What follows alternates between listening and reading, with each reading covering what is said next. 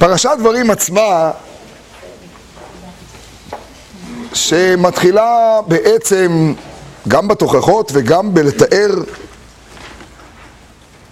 את תולדות ישראל בארבעים שנות המדבר, יש בה משהו מאוד מעניין. היא מתחילה ממש ממש בהתחלה. היא מתחילה בהשם אלוקינו דיבר אלינו בחורב לאמור רב לכם שבט בהר הזה. כלומר, היא מדברת על מעמד הר סיני.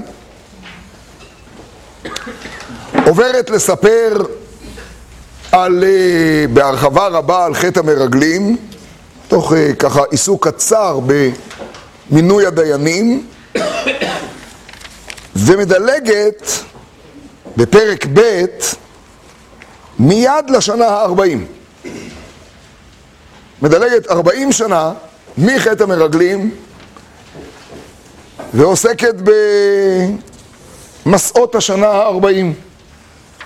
אדום, מואב, עשיו, סיחון, אוג. צריך להבין שלבני הדור ששומעים את התיאור הזה עכשיו, כל החלק האחרון של הפרשה הוא בסך הכל תיאור עובדות. זה סיכום עניינים שכולם מכירים וכולם נוכחים בהם, וזה תוך כדי. זה גם סיכום עובדות וזה גם סיכום עובדות במקום שזה מתרחש. כשרבינו עומד בעבר הירדן המזרחי, הוא מתאר את הכל.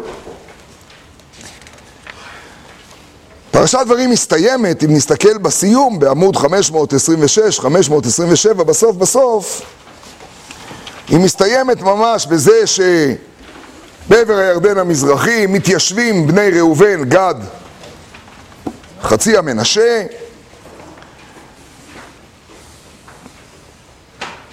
ואז בהעברת השרביט, הפסוק האחד לפני האחרון והאחרון, ואת יהושע ציווה איתי בעת ההיא לאמור, עיניך רואות את כל אשר עשה השם אלוקיכם לשני המלכים האלה, כן יעשה השם לכל הממלכות אשר אתה עובר שמה, כמו שבעבר הירדן המזרחי זכינו לנצח את כל מלכי עבר הירדן המזרחי, לסיחון מלך האמורי כי לעולם חסדו, ולאוג מלך הבשן כי לעולם חסדו, כן יעשה השם לכל הממלכות אשר אתה עובר שמה, לא תיראום כי השם אלוהיכם הוא הנלחם לכם.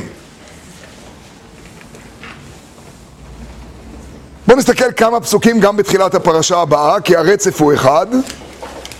רק אז עובר משה רבנו לספר שהוא עצמו לא נכנס. ואתחנן אל השם בעת ההיא לאמור, השם אלוקים אתה חילות להראות את עבדך את גודלך ואת ידך החזקה אשר מיאל בשמיים ובארץ אשר יעשיכם מעשיך וכי גבורותיך אעברה נא ואראה את הארץ הטובה אשר בעבר הירדן, ההר הטוב הזה והלבנון ויתעבר השם בי למענכם. המושג הלבנון הוא אגב מעניין מאוד, בואו נראה רגע את רש"י. אעברה נא ואראה את הארץ הטובה אשר בעבר הירדן, ההר הטוב הזה והלבנון.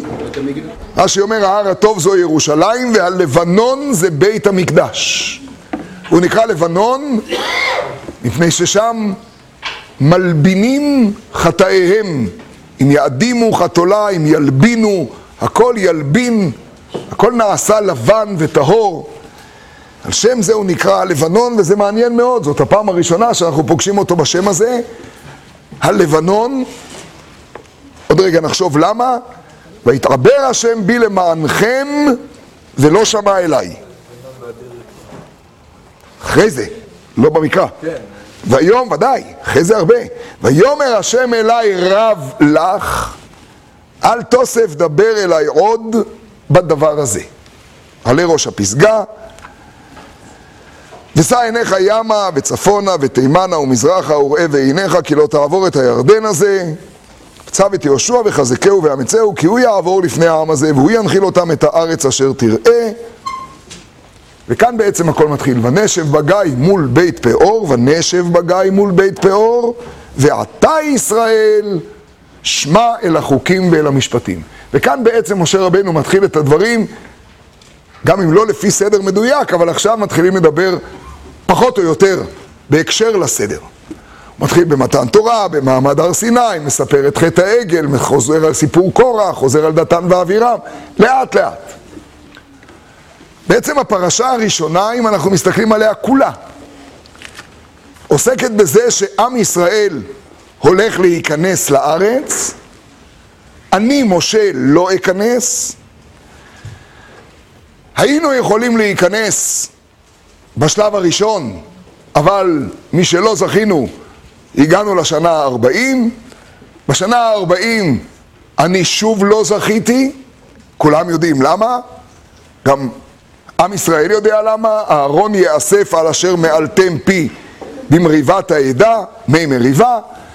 אני לא זוכה להיכנס, אתם נכנסים ויתעבר השם בי למענכם. זה ביטוי מאוד מעניין, ויתעבר הכוונה נתמלא חימה, למענכם זו מילה קשה מאוד. למענכם, אפשר להסביר את הכוונה בהפוך, בגללכם. אתם גרמתם לי, כך רש"י מנסה, אבל למענכם בפשטות זה בעצם בשבילכם, לטובתכם. נדמה לי שכאן ישנה נקודה, נדמה לי שכאן ישנה נקודה שצריך להתחיל להיכנס אליה לאט לאט. הפרשה שלנו צמודה לסיומו של ספר במדבר, לפרשת מסעי. משה רבנו בעצם אומר לעם ישראל, רבותיי, אני לא נכנס. ולמשפט הזה יש משמעות מאוד גדולה. והמסעות נמשכים. זו המשמעות של המשפט. אילו היה משה רבינו נכנס, אנחנו הולכים אל ההר הטוב הזה והלבנון. אילו נכנס משה רבינו עם ישראל, אלמלא היו חוטאים ישראל בעגל, במרגלים, אלמלא אחרי זה סיפור מי מריבה, אנחנו נכנסים לארץ ישראל, מגיעים אל הגאולה השלמה, אל הייעוד הגדול, ובעצם פרשת דברים מתארת וצו את יהושע וחזקהו ואמצהו, המסעות נמשכים.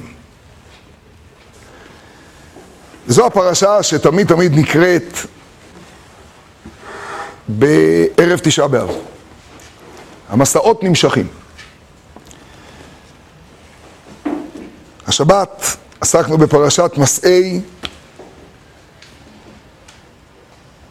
וככה עלו לי כמה תובנות במושג המסעות, שאני חושב שחשובים מאוד גם לימים האלה של ערב תשעה באב, לימים האלה של ימי בין המצרים. שמתם לב פעם שפרשת מסעי, אני חוזר רגע לפרשה שעסקנו בה השבת, אחרי זה נחזור הלאה. פרשת מסעי, קודם כל כשמה כן היא, היא פרשה שלא רק בכותרת שלה, אלא כמעט כולה עוסק בגלויות, במסעות. קודם כל הפרק הראשון, כל מסעי בני ישראל ארבעים שנות מדבר. אחר כך מתארים את עיר המקלט, אבל מרחיבים ומתארים את שש ערי המקלט, ומתארים את הרוצח בשגגה שצריך לגלות. וכל סיפור עיר המקלט הוא גלות אל. הוא יושב בה אדמות הכהן הגדול, שזו תופעה בפני עצמה מרתקת.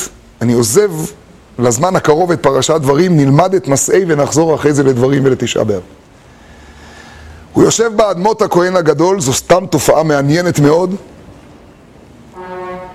בתורה עצמה, עיר המקלט זה המקום היחיד שבו מושיבים אדם לזמן. לא מלקות, זה לא קנס, זה לא ממון, זה לשבת. אבל זה לא ריצוי עונש עד זמן מסוים. זה עד מות הכהן הגדול, שזה דבר מרתק בפני עצמו. הרוצח בשגגה, ותרשו לי לפתוח פה סוגריים של שנייה אחת, שהוא ודאי לא העבריין של היום, בכל הגדרה שהיא, כי אין לו כוונה פלילית. הוא רצח בשגגה. הרוצח בשגגה הוא היחיד שהתורה מדברת על, במרכאות, בצוהר מסוים שהוא צריך לשבת בו. ובעיר המקלט הזאת, שנדבר עליה עוד שנייה אחת, הוא יושב עד לאירוע מסוים, שנקרא מות הכהן הגדול. עכשיו, שנבין טוב, זה יכול לקחת יום, וזה יכול לקחת חמישים שנה, ויותר. עד מות הכהן הגדול שיהיה בימיו. מותו של הכהן הגדול זה פרשה שצריך לנתח להבין אותה, מה, מה, מה הרעיון בכלל? זה מאוד קיצוני. עכשיו, הוא לא יכול לצאת מעיר המקלט כל עוד הכהן הגדול בחייו, ולא תיקחו כופר לשוב אל ארצו עד מות הכהן.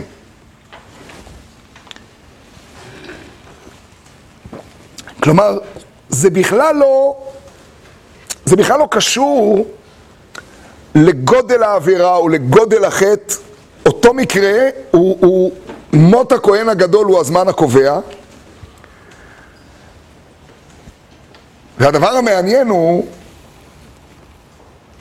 שפרשת מסעי שעוסקת במסעות שלנו, של עם ישראל במדבר, ובמסעות של עיר המקלט שעוד מעט נדבר עליו, כי זה מאוד משמעותי, לדעתי זו הפרשה שעוסקת בכולנו.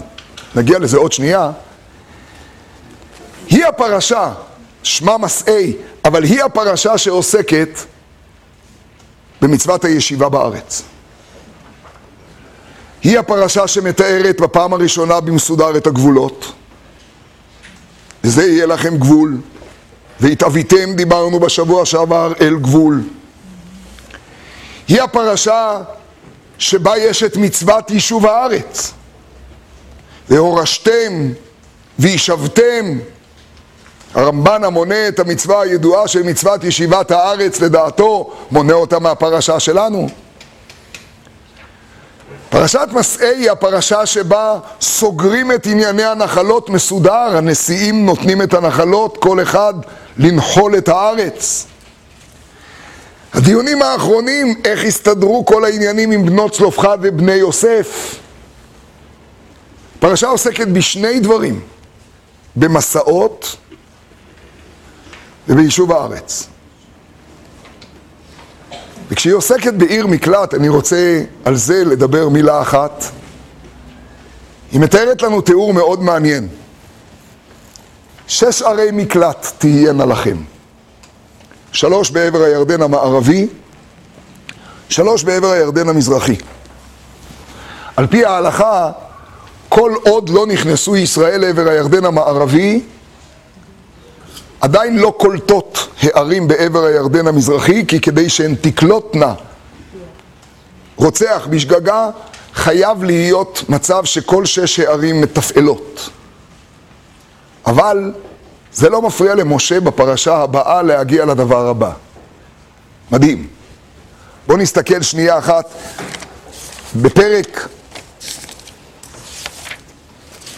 בפרק ד' אז יבדיל משה שלוש ערים. פרק ה', סליחה, פרק ד', צדקתי, פסוק מ"א, עמוד 533. ואחרי ההקדמה הזו נתחיל את הכל. פרק ה', פסוק מ"א, עמוד 533 למעלה. אז יבדיל משה שלוש ערים בעבר הירדן מזרחה שמש. לנוס שמה רוצח, אשר ירצח את רעהו בבלי דעת, והוא לא שונא לו מתמול שלשום, ונס אל אחת מן הערים האל וחי, כאילו חוזרים לספר לנו על הסיפור, אנחנו יודעים אותו. את בצר במדבר בארץ המישור לראובני, ואת רמות בגלעד לגדי, ואת גולן בבשן למנשי. הפסוק הבא הוא מאוד מעניין. מה הפסוק הבא? נו, וזאת התורה אשר שם משה לפני בני ישראל. משונה מאוד, לא? אנחנו מכירים את הפסוק הזה, נכון? זאת התורה, נכון? זאת התורה. טוב, נשאיר את זה בצד. אז יבדיל משה שלוש ערים. משה רבנו קיבל הרבה מאוד מצוות. מה שמתקיים לעתיד משה רבנו עוד לא עשה. סיכמנו הרגע ששלוש הערים בעבר הירדן המזרחי עדיין הוא לא קולטות כל עוד אין ערים בעבר הירדן המערבי. לעבר הירדן המערבי עוד לא נכנסו. אומר רש"י, אז יבדיל נתן לב להיות חרד לדבר שיבדילם. ואף על פי שאינן קולטות עד שיבדילו את אותן שבארץ כנען, אמר משה, מצווה שאפשר לקיימה, אקיימנה. אני רוצה לגעת רק בנקודה אחת, זה פלא. אז איזו מצווה משה רבינו קיים בעניין יישוב הארץ? ערי מקלט. הוא עוד לא קיים בפועל, כי עוד אי אפשר, אבל איזו מצווה הוא פתח, הוא נתן את הכוח? את המצווה בארץ ישראל של הגלות בארץ ישראל. בארץ ישראל יש מצווה אחת גדולה, קשה. והקריתם לכם ערים. והקריתם לכם, צריך שיהיו שלטים בארץ, שכל רוצח בשגגה יודע שהוא גולה לשם. אני רוצה להיכנס קצת בתחילת בין המצרים למושג הגלות, כי אני חושב שאנחנו מפספסים אותו, את מושג המסע, מסעי, אנחנו מפספסים אותו בגדול, אנחנו צריכים להבין אותו לעומק. אותי מאוד תפס בשבת העניין שהמצווה שמשה רבינו רוצה שלא להחמיץ אותה, ואותה הוא מעביר לנו, הוא את הבנת הגלות, לא הפיזית, של ארץ ישראל וחוץ לארץ. ואני רוצה רגע שנבין את ההבדל בין ערי מקלט לבין כל מצווה אחרת. הרוצח בשגגה, הוא רוצח בשגגה. זאת אומרת שהוא פוטנציאלית כל אחת ואחד מאיתנו. הרוצח בשגגה הוא לא העבריין שגנב כסף. אני מכיר את החולשות שלי, לי זה לא מתאים. הוא לא העבריין שפועל בדברים איקס. זה מתאים רק לכאלה. זה לאשכנזים, זה לדתיים, זה לספרדים, זה ל... הרוצח בשגגה הוא כל אחד ואחד מאיתנו שכשהוא יהיה בארץ ישראל הוא צריך לדעת, ואולי זה טיפ-טיפה יסביר את ההרחבה האדירה שבפרשת מסעי מקבל את הפרשה הזאת. מקבלת פרק ענק. כל אחד אמור להכיר, יש שלטים בארץ, שם יש מקום שאתה גולה אליו. לכמה זמן? לא ידוע. עד מות הכהן הגדול. החיים יכולים מחר בבוקר להשתנות. אתה תצא למסע חדש שלא ידעת עליו. וזה לא משנה מי אתה. אתה זקן הדור. הלי זה לא יקרה, לא עובד פה. לכל אחד יש שלט. תתכונן למסע. ובמסע ההוא אתה תהיה עד שמה שאתה לא עשית בכלל בכוונה יתכפר. וכמו שמיתת צדיקים מכפרת, כך רק מיתת הכהן הגדול מכפרת. למה? אומרת התורה, ולארץ לא יכופר בדם שופכו. זה גם עברית שכדאי לנו להכניס אותה לראש. התורה לא מדברת על הורג כי זה שגגה ועל רוצח כי זה מזין. היא מפנימה לי שבכל אחד יש חלילה חלילה חלילה את הפוטנציאל של רוצח בשגגה. והוא יצטרך להגיע למסע. ומשה רבנו רוצה ללמד את תורת הגלות. המסע, גם בארץ ישראל. אתמול טיפ-טיפה דיברנו בזה, אני חושב שזו נקודה שבלעדיה אנחנו נפספס הכל. אני רוצה להתחיל לאט-לאט. עיר המקלט היא רק חלק. אני סיפרתי לחבר'ה אתמול בשבת אחר הצהריים שהיה משפט מאוד אהוב על אבי מורי. הוא מאוד אהב לצטט משפט יפה של רבי משה אבן עזרא. היה בן משפחתו של רבי אברהם אבן עזרא מאותה תקופה. הוא היה לשונאי גדול, חוץ מיהודי מיוחד. והיה לו משפט מבריק, אתם יודעים שיש הלכה, זה משפט של uh, חיוך, אבל אני, אתמול חשבתי פתאום שיש בזה עומק עצום. ישנה הלכה ידועה שמי שלא עליכם נופל מנכסיו. לא חס ושלום בנפשות, אבל מכה חזקה מאוד. אז מברכים אותו, המקום ימלא חסרונך. המקום ימלא חסרונך. זה ביטוי שמופיע. בגמרא אומרים אותו אחד לשני, המקום ימלא חסרונך. אבא היה מספר הרבה פעמים בחיוך שרבי מוישי בן עזרא אמר פעם על מישהו אחד שככה ישב במקום הנכבדים, ישב במזרח שלא התאים לו. לא הגיע לו, אבל הוא כנראה שילם מספיק, או הוא... אבל לא, הוא לא היה שייך לזה בכלל, הוא לא היה שייך ל... אבל היה לו מקום טוב.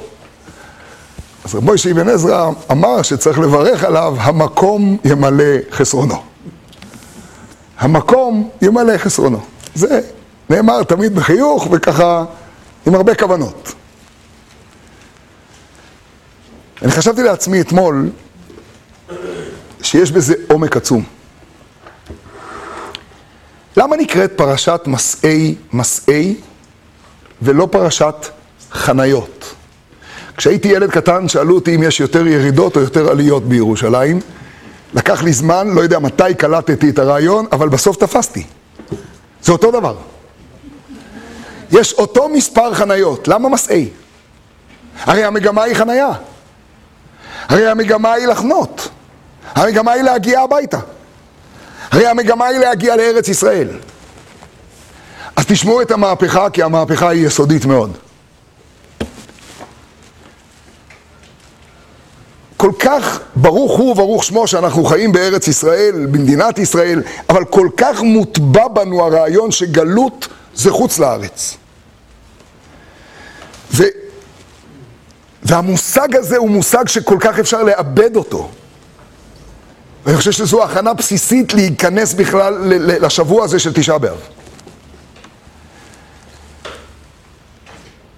היעד הוא המסע.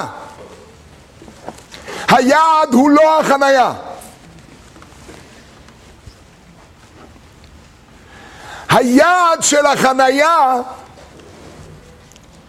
זה להגיע לאור כזה גדול שבשום חנייה קודמת לא היה.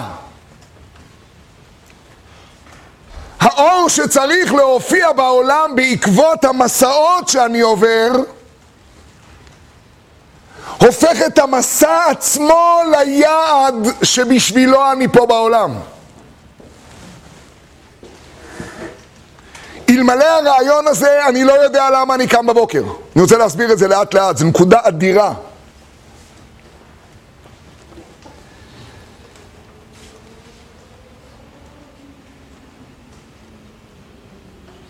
כשהקדוש ברוך הוא שם את הנשמה הטהורה שלי בגוף שלי, התחילה הגלות הראשונה. ביתי צאי מבית כלא. חלק אלוקה ממעל נמצא בעצם במציאות שהיא כאילו גלות. לצורך מה?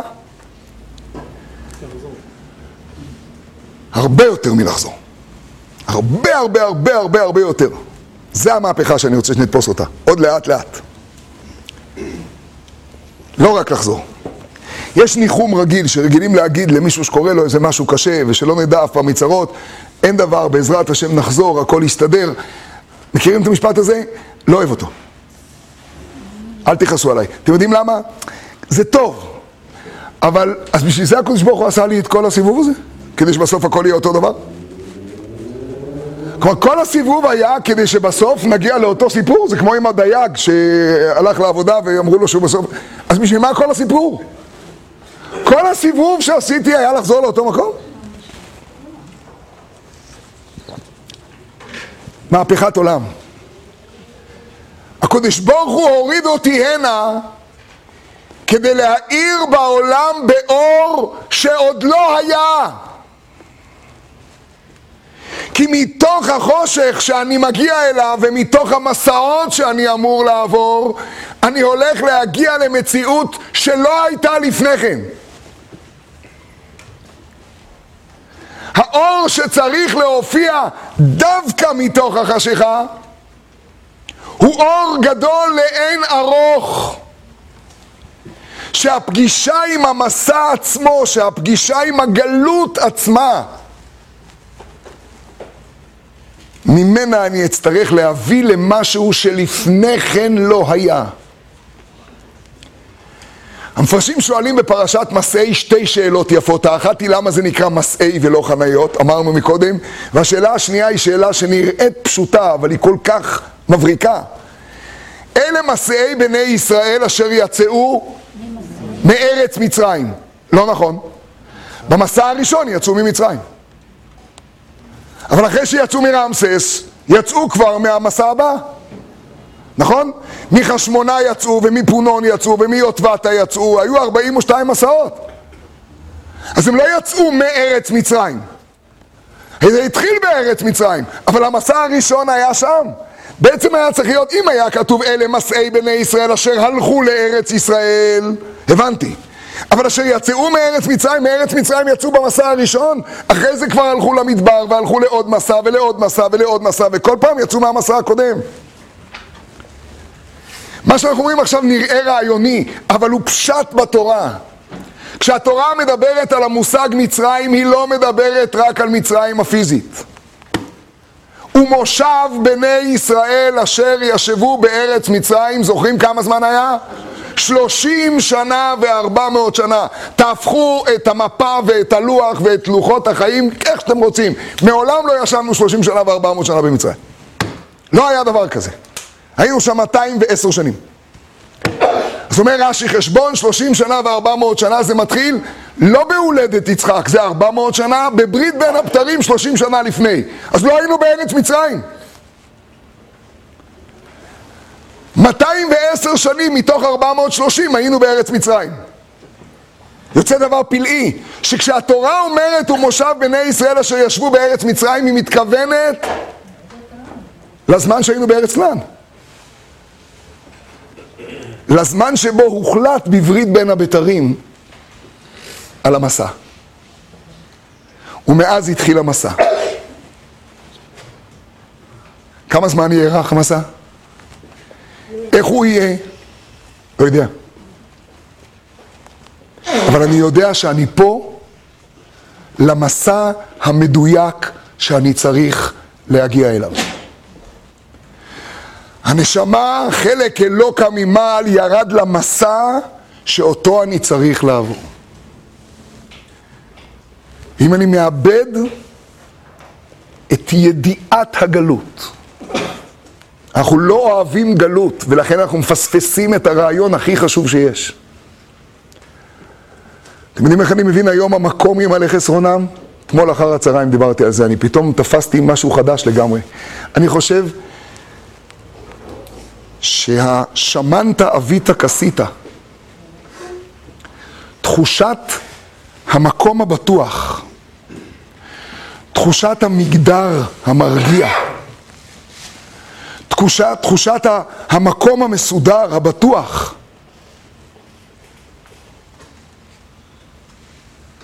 זה הדבר שהכי הכי קרוב למציאות של חורבן.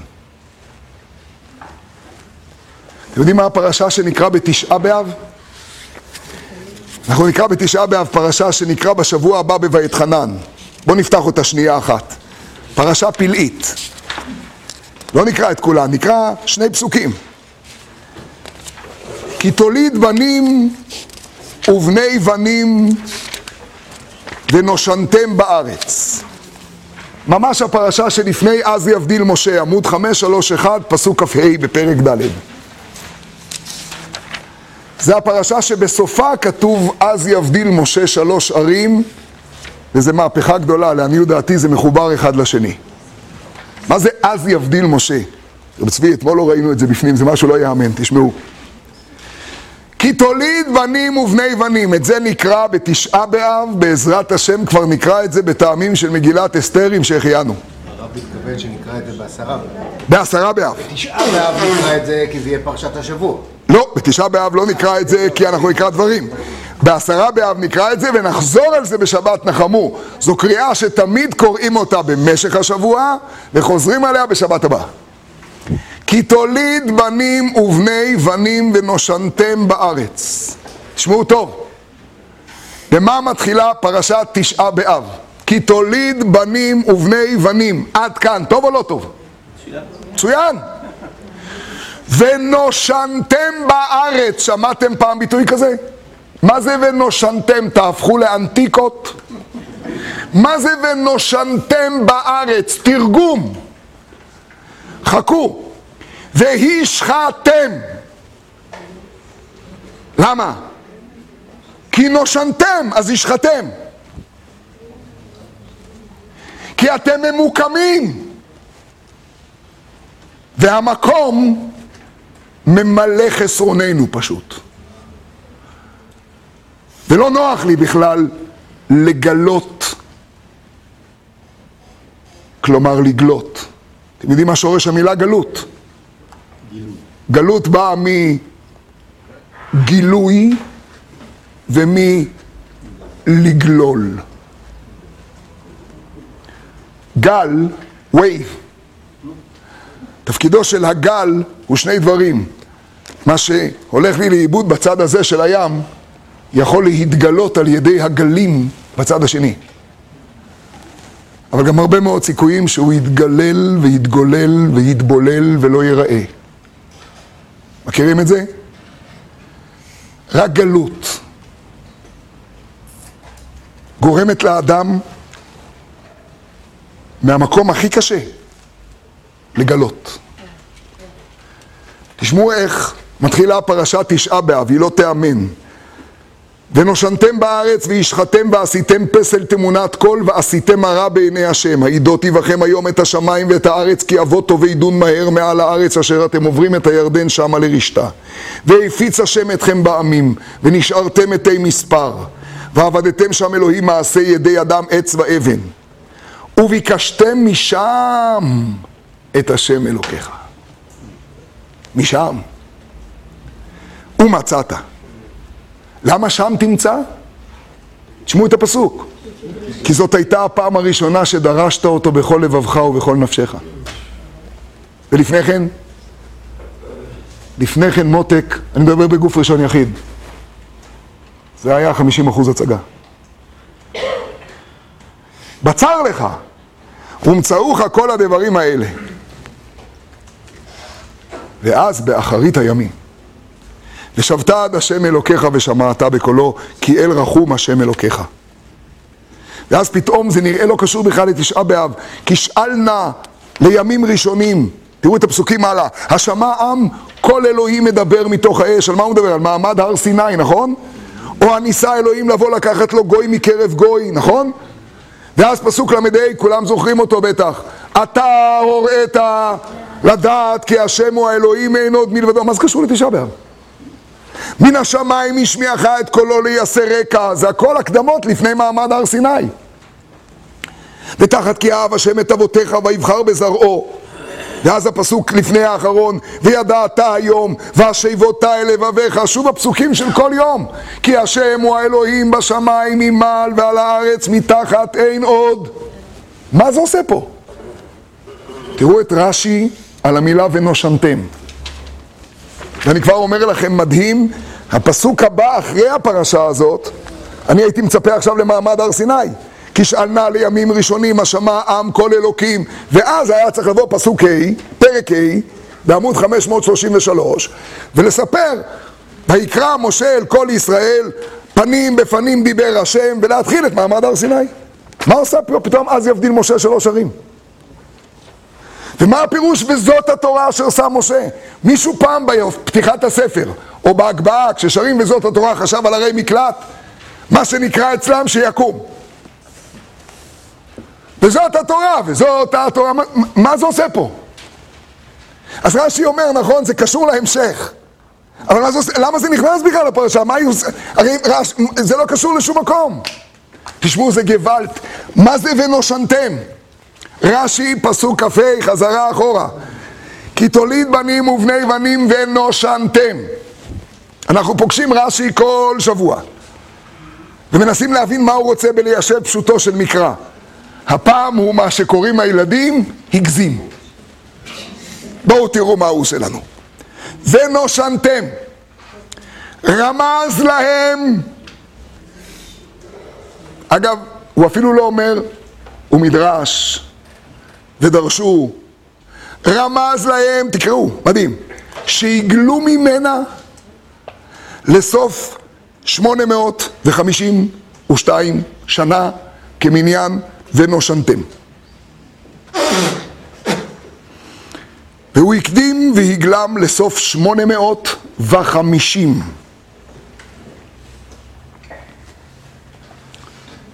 מאתיים ועשר, בית ראשון, מדבר, 850 שנה.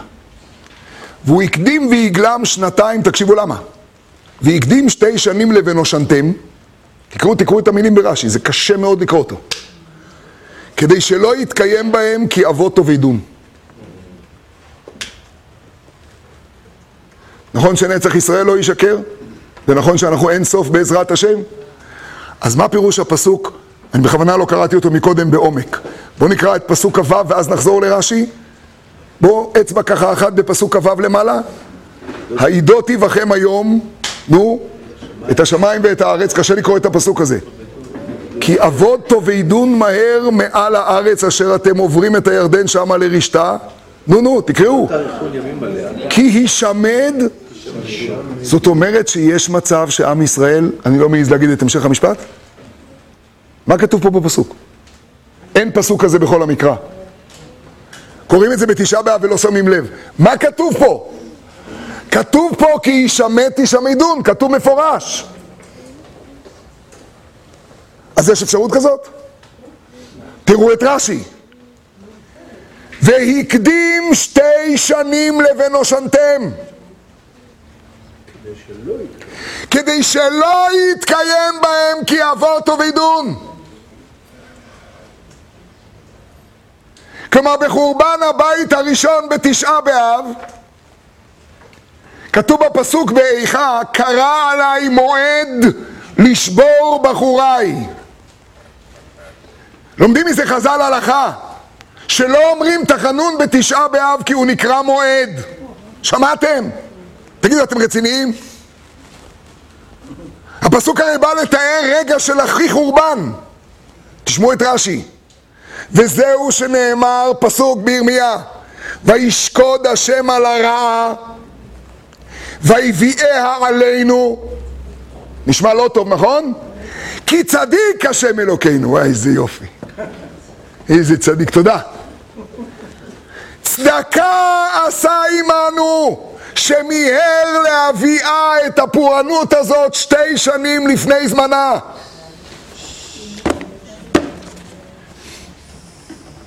כי עוד שנתיים ונושמתם.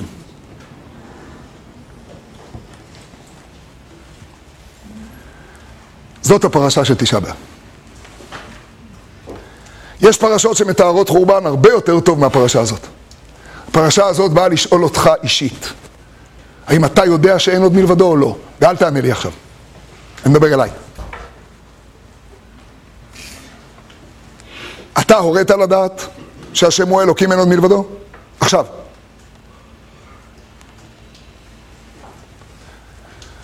וידעת היום והשיבותה אל לבביך. הרבי בעל התניא שואל, מה זה וידעת היום? למה כל יום מחדש? אני יודע, למדתי פעם בחיים ששתיים ועוד שלוש זה חמש, אני יודע את זה, למה כל יום אני צריך לחזור על זה? וידעת היום, והשיבותי לבביך, כי כל יום יש משוכות חדשות שאומרות לי שאולי השם הוא לא האלוקים בשמיים ממעל ועל הארץ מתחת. וגם אם כן, אולי זה לא ממש אין עוד. יש קצת, בכל זאת, צ'ופצ'יק. אביס עליהם משהו, יש משהו שיש לו כוח, וגם אני נמצא פה קצת. ואני בטוח, והמקום ממלא חסרוני, ואני רגוע. אני מודה, מעולם לא שמתי לב עד אתמול שהמצווה שמשה רבינו קיים בארץ ישראל שאליה הוא רוצה להיכנס, היא שנזכור בארץ ישראל את סוגיית הגלות. סוגיה? הגלות האישית, בבית. מי? כל אחד ואחד. כל אחד פוטנציאלי לסוגיה. ואת עומק המסע ואת אורכו לא קובע שום שופט בשר ודם ולא שום חוק שיקבע עוד כמה שנים אתה משתחרר. את עומק המסע קובע הקדוש ברוך הוא במות הכהן הגדול. אז מתכפר לארץ בדם שופכו, והמסע שלך בעולם מגיע למימושו. וזה אהרון נפטר לפני הכניסה לארץ. בדיוק, בדיוק. ולכן בפרשת מסעי מות הכהן זה גם מות אהרון, אבל לא ניכנס לזה עכשיו. זה דבר מופלא. אנחנו לא אוהבים גלות, וטוב שלא.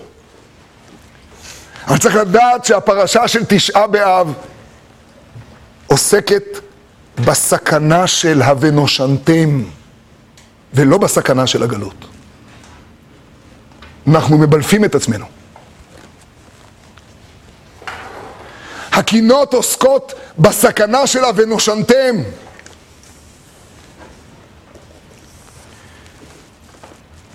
אני חזרתי אתמול כשדיברנו על זה שזה לא רק בבן אדם למקום. המקום ממלא חסרוננו, אני מדבר באמת בגוף ראשון יחיד. אני אומר את זה כי זה, אני לא רוצה להרגיש אחרת, אני אומר את זה באמת ממקום הכי אישי. המקום ממלא חסרוננו זה זה השמנתא אביתא כסיתא, זה, ה, זה השלווה המדומיינת הזאת, ש... שלמה בכלל לעבור מסע? הכל מסודר. אתם יודעים למה כתוב אלה מסעי בני ישראל אשר יצאו מארץ מצרים? הרבי מלובביץ' אומר בשיחה דבר כל כך מדהים. כי כל חנייה שלך שהגעת אליה, ברוך השם, כל חנייה, אם תתמקם בה ולא תבין שהיא מסע, זה מצרים. ואז עושה איתך הקדוש ברוך הוא חסד ומוציא אותך מהחנייה שאתמול הייתה חנייה ועכשיו הופכת למצרים. צא. סע קדימה. יש בעולם השפעות מלמעלה למטה של מלאכים, של בני אלוקים. ביום חמישי עסקנו בברכת הלבנה, אשר במאמרו ברא שחקים, ברוח פיו כל צבאם, פילי פלאות. אבל ללבנה אמר שתתחדש. אתם יודעים מה קורה ללבנה? היא בגלות, חודש שלם. והם עתידים להתחדש כמותה. ועומק מה שהלבנה רוצה זה לגלות, זה דבר מופלא מופלא, שדווקא מתוך המקום של הלבנה שאין לה משלה כלום, שהיא לא מאירה מלמעלה למטה, דווקא מהמקום של הלבנה שמאירה בחושך, דווקא מהמקום הזה יופיע אור גדול לאין ארוך מהאור של החמה.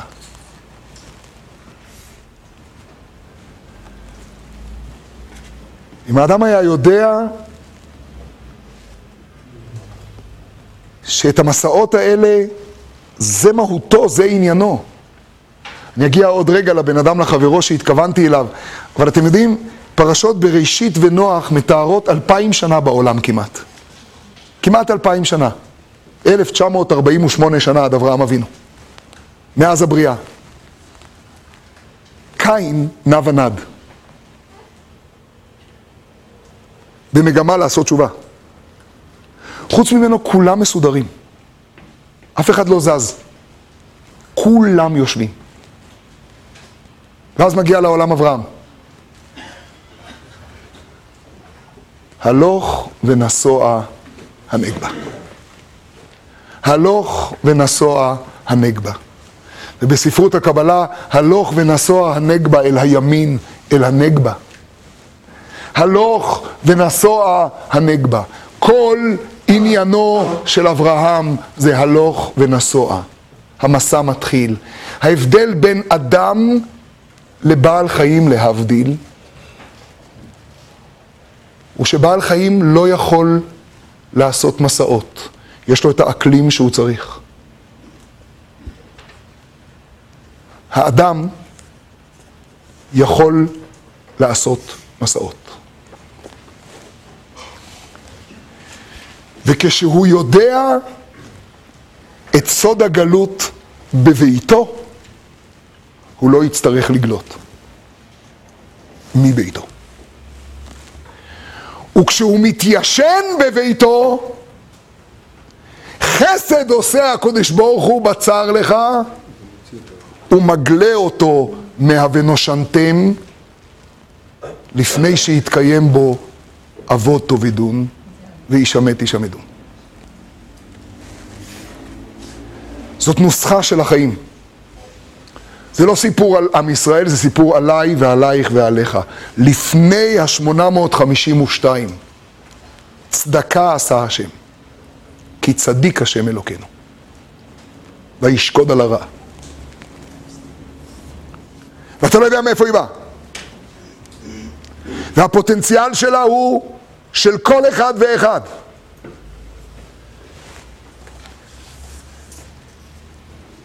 ורוצח בשגגה הוא בעצם מי שגרם לעולם לאבד חיים. למשל, מגלגלים כן, מגלגלים חובה על ידי חייו, וזה זכות, זה תיקון, זה כפרה. ולכן מות הכהן הגדול הוא השלב היחיד הרלוונטי פה. ואתה אפילו לא מבין איך, ואתה לא יודע איך, אבל התיקון הזה שאתה עושה, מייצר בעולם דברים שלפני כן בכלל לא היו. מייצר אורות מופלאים ואורות חדשים. זה כל כך ברור הרי שהרוצח בשגגה, זה לא רוצח בשגגה רק. אתם ראיתם את רש"י ב"אז יבדיל משה שלוש ערים"? מצווה באה לידך אל תחמיצנה? אז יבדיל משה שלוש ערים, מתי זה אז? מה זה קשור אז? אז בפשטות זה אחרי הפסוק הקודם, ומה היה הפסוק הקודם? סוף הקריאה של תשעה באב. ומה היה בסוף הקריאה של תשעה באב? וידעת היום והשיבותי לבביך כי השם הוא האלוקים. והדרך לעורר את זה, זה להבדיל שלוש ערים. אז לפני שמשה רבינו מסתלק מן העולם, כבר בעבר הירדן המזרחי, בלי שזה יהיה רלוונטי להלכה, כי צריך שש ערים, הוא כבר מלמד את יסוד התיזהרו מ"ונושנתם". אל תגיע לשם, אל תגיע ל... ואתם יודעים איך מסתיימת הפרשה הזאת? ונשב, אתם יודעים מתי היה החלק הכי מסוכן? דיברנו אתמול. אתם יודעים מתי היה החלק הכי מסוכן? היה סיחון, היה אוג, גמרנו אותם ברגע. מול מה מתמודדים כל סוף ספר במדבר? מול בנות מדיין, מול הפאור. איפה ייקבר משה רבינו? לא יודעים, לא נודע קבורתו, אבל יש מקום. מול בית פאור. ייחוס. אתם יודעים למה? אומרים חז"ל כי הפאור הזה מבקש כל שנה להטביע את העולם. ומשה רבינו קבור מולו ומרים אותו. והמאבק הזה ממשיך כל הזמן. ומשה משה, והפאור פוער. ומשה משה, והפאור פוער. ומשה זה אנחנו. ואתם יודעים מתי הגענו לפאור? לא תוך כדי קרבות, ולא כשסובבנו את ארץ אדום, ולא כשסובבנו את ארץ מואב, כשישבנו, כשהתיישבנו לנוח. וישב ישראל בשיטים. כמה זמן חיכינו כבר לוישב ישראל? ואנחנו בעבר הירדן המזרחי, אנחנו בארץ ישראל, שם חלקת מחוקק ספון. אנחנו בנחלת בני גד ובני ראובן. עוד לא בעבר המערבי, זה לא שם, אנחנו פה. וישב ישראל בשיטים, ויחל העם לזנות את מותיו. כלומר, ונושנתם יכול לקרות גם בגלות. כלומר, ונושנתם יכול לקרות בכל מציאות. בכל מציאות יכול לקרות ונושנתם. ואם אני מאבד את הפחד מה"ונושנתם", אבל לא הפחד במובן המשתק, אלא במובן הבונה, אלה מסעי, זה הכוח שנתן לי הקדוש ברוך הוא, שהחנייה שאני חונה היום תהיה לגביי מחר מצרים. אם אגיע למדרגה כזאת שהחנייה של היום היא לא סוף הדרך, היא המצרים של מחר שממנה אני הולך קדימה. אלה מסעי. זה כל ההיסטוריה שלנו, זה ספרד, זה היה תור הזהב ונושנתם. זה בית הנכון, אני רוצה להגיד שזה כל ההווה שלנו. אני מדבר על היום. זה היה היום בבוקר. אתה מדבר על אתמול. זה ודאי. זה כל ההיסטוריה, הרב צבי יהודה היה אומר שהיסטוריה כותבים עם ת', זה כל ההיסטריה שלנו. הקדוש ברוך הוא כך מסתתר, ואנחנו לא אוהבים מסעות. ויש לנו מחשבה כזאת, שהמקום הבטוח מאפשר איזשהו רוגע.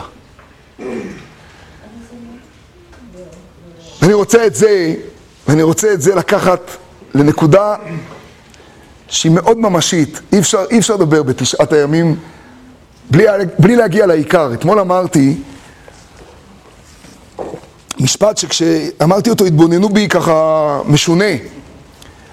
אמרתי שאת סיפור קמצא ובר קמצא המפורסם, שלא ניקח עליו זמן עכשיו, רק דקה אחת, שאת סיפור קמצא ובר קמצא המפורסם, לדעתי, לא בשום כוונה רעה, כולם יודעים אבל אני לא יודע מתי זה התחיל, או אצל הגננת, או בכיתה א', או אצלנו. משום מה מישהו החליט לעצור את הסיפור באמצע. וכולם מכירים את הסיפור עד האמצע. אבל הסיפור הזה יש המשך, ההמשך הנעלם. יש מעיינות נעלמים, יש המשך נעלם. הוא כל כך נעלם, הוא כתוב בגמרא בשורה הבאה. אבל את זה הגמרא לא העתיקה מכועסו חכמינו, ושם נתקענו. וזה חבל. שם נתקענו, נדמה לי שאפילו בספר ההגנה ביאליק כן ממשיך את זה. ודאי בסיפור הבא, נדמה לי שבאותה אות אפילו. הסיפור הוא. ידוע. אני רוצה לדבר מה זה ונושנתם באדם עצמו. גם בבן אדם לחברו, זה כל החיים מה שאמרתי. זה בבן אדם לעצמו, זה בבן אדם למקום. תשמעו, זה פלא. איך, מה, מה הסיפור שם, זוכרים? בקמצא ובקמצא, איך זה מתחיל? היה אחד, ההוא גברא, שהיה לו אחד שהוא היה אהוב עליו, קראו לו קמצא, והיה אחד, נו, שהיה שנוא עליו, וקראו לו בר קמצא, נכון? יופי. והוא עשה סעודה, מי היו מוזמנים לסעודה? עשירי ורבני גדולי ירושלים. תחשבו רק, רגע, אנחנו מדברים בבית השני. מדברים בבית השני. אני אפילו לא רוצה להעיז לחשוב על השמות. תחשבו מי יושבים שם. אל תגידו. בית שני, כולם יודעים. כל מי ששכח, שיפתח איזה משנה שהוא רוצה ויראה את השמות. בית שני. ויושבים שם גדולי ירושלים ועשירי ירושלים. הם לא עסקו שם בקרואטיה, צרפת. הם, הם, הם גדולי ירושלים ועשירי ירושלים יושבים בבית שני, תחשבו במה הוא מסכים. ולסעודה הזאת מגיע במקום קמצא בר קמצא, כי השמש הביא את בר קמצא. למה? לא משנה, ככה. אשרי העם שככה. לא יודע למה. ההוא גברא, מי זה ההוא גברא? המארח, שעליו כל הסיפור, וששמו לא מוזכר. חיסיון משפטי.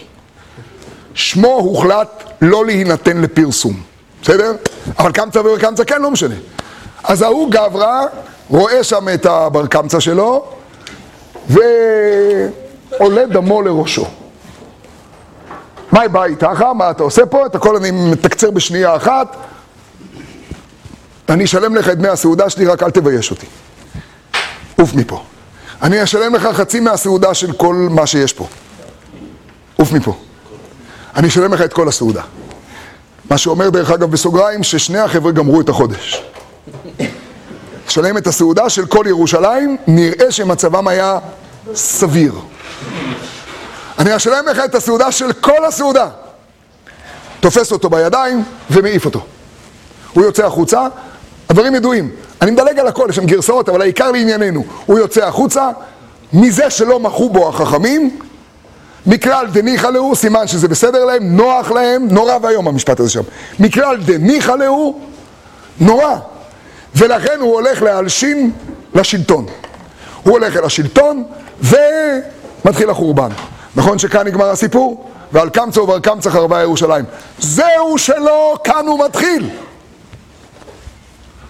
כאן הסיפור מתחיל, זה חצי ראשון של הסיפור.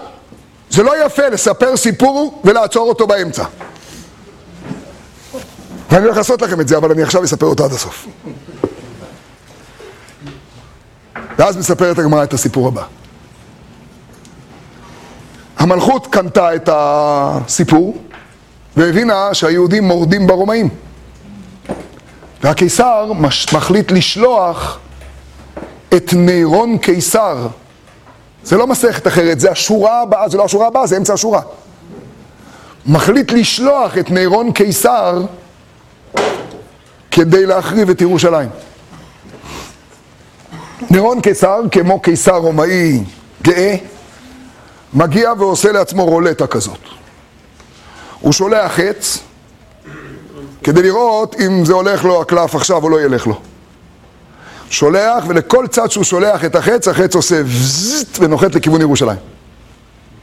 נו, המסקנה ברורה, הוא הולך שמח וטוב לב עם איזה מרש של כיבוש ירושלים, אבל אז יש לו ברולטה עוד בקשה אחת. הקיסר מחפש איזה תינוק חמוד ומוצא איזה תינוק יהודי הוא אומר לו פסוק לי והפסוק שיצא לו זה פסוק מיחזקאל, שבו נאמר שהקדוש ברוך הוא בבית ראשון שולח את בבל, את האויב, ואחרי זה מתנקם בו. וזה הפסוק שיצא לתינוק. נירון קיסר, אחרי החיצים, אחרי הכל, תופס את עצמו, ואומר בגסות לשון שרק קיסר רומאי יכול לדבר. אלוהיהם. רוצה לגמור אותם ומקנח בי, זה הביטוי. שפה של נירון קיסר, של גנרל רומאי שבא עכשיו להחריב את ירושלים. אתם מבינים את העוצמות של הרוע של מי שהולך לעשות את זה? אלוהיהם של אלו רוצה לגמור את העניינים, והביטוי של נירון הוא, הוא באי לכיפורי ידי, הוא רוצה לקנח את ידיו בההוא גברא. ההוא גברא, הוא אומר על עצמו. ערק, ערק, עשה עריקה. נפקדות זה 30 יום, עשה עריקה. הגיע, התגייר. ונפק מיני רבי מאיר. ורבי מאיר נקרא רבי מאיר על שם סבא נירון. וזה סוף הסיפור. ומי שיודע לקרוא סיפור תלמודי, יש כאן סיפור שמתחיל במילים ההוא גברא ומסתיים במילים ההוא גברא. יש כאן איזה פלאפון שאני לא יכול...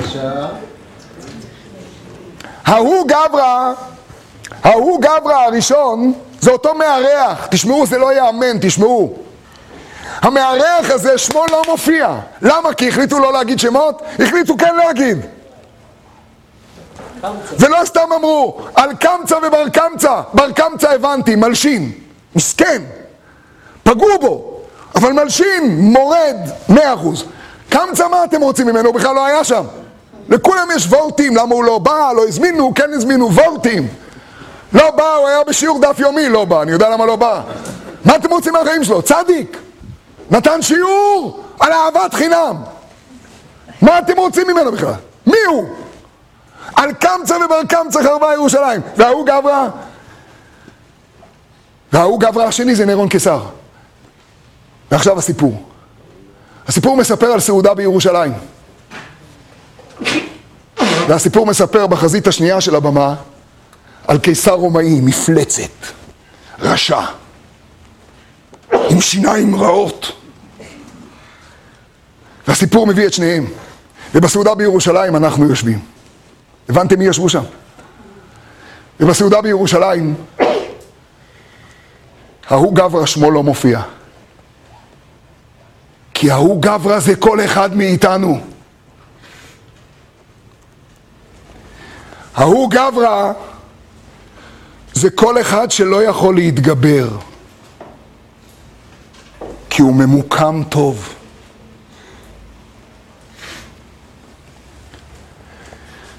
והחכמים שלא מחו זה כל אחד מאיתנו. כי אני רוצה לראות מי בדיוק קם למחות, למרות שכולם אומרים את זה. וכתבו את זה מזמן. עיתון מפורש. אמרו. ולמה לי למחות אם אחרי זה לא יכניסו אותי ל... ואולי זה שלא מחה, לא מחה, כי אם עומדים שם שני עשירים ורבים, הרי מן הסתם אני צריך קשר עם שניהם. זה יתקצב לי את המוסד הזה, וזה לא לי, לעם ישראל. באמת, אמיתי. אני לא אומר, אני אומר באמת, בינתיים, אחד אכל אותם, נו אז מת, נו אז מה? אז בגלל זה כולנו נפלנו? מה קרה? מה יש? והמפלצת הרומאית מגיעה מהצד ההוא, וגם הוא ההוא גברא. יש לו שם, נירון קיסר. אבל כשהוא קולט מה זה נצח ישראל דרך התינוק הזה, הוא מבין שהוא כולה ההוא גברא. וממנו יוצא רבי מאיר. זה לא ייאמן. בי לא יקנחו. אז אם יש לך כזה הרבה כוח, אז תלך לרומא, תשכנע אותם לא להילחם.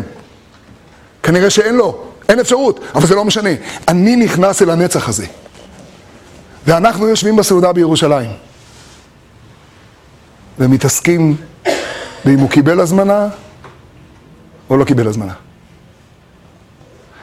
ורוצים שהילדים לא יראו את המאמר, כי לא נעים שהגדולים מתעסקים בזה. לא יפה. אחרי זה איך נגיד לילדים שהם מדברים שטויות? לא יפה. וההוא גברא, נירון קיסר, הוא הסבא של רבי מאיר, שהאיר עיניהם של ישראל, שלא ירדו לסוף דעתו. אתם מבינים מה זה לחתוך את קמצא ובר קמצא באמצע? ונושנתם בארץ, זה תשעה באב.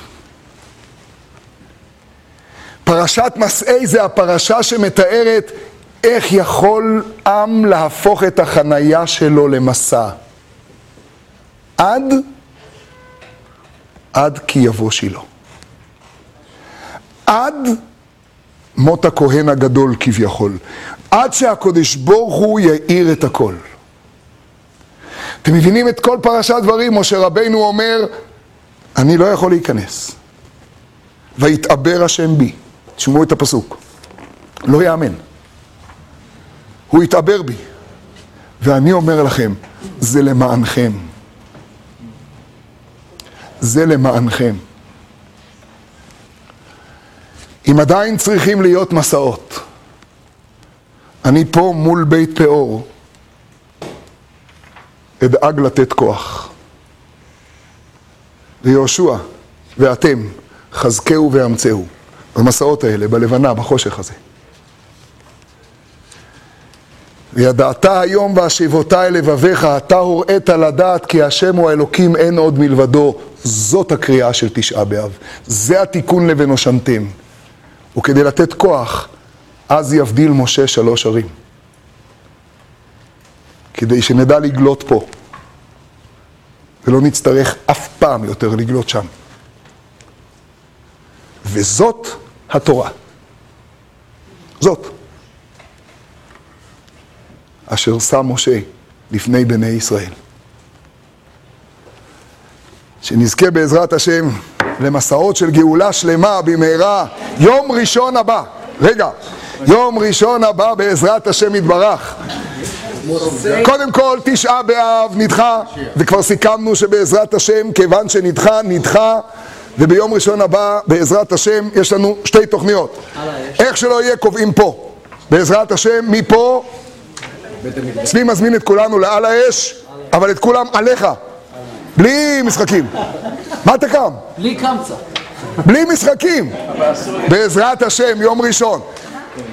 רגע, ואם לא שם, אז גם את זה אתה מזמין עליך.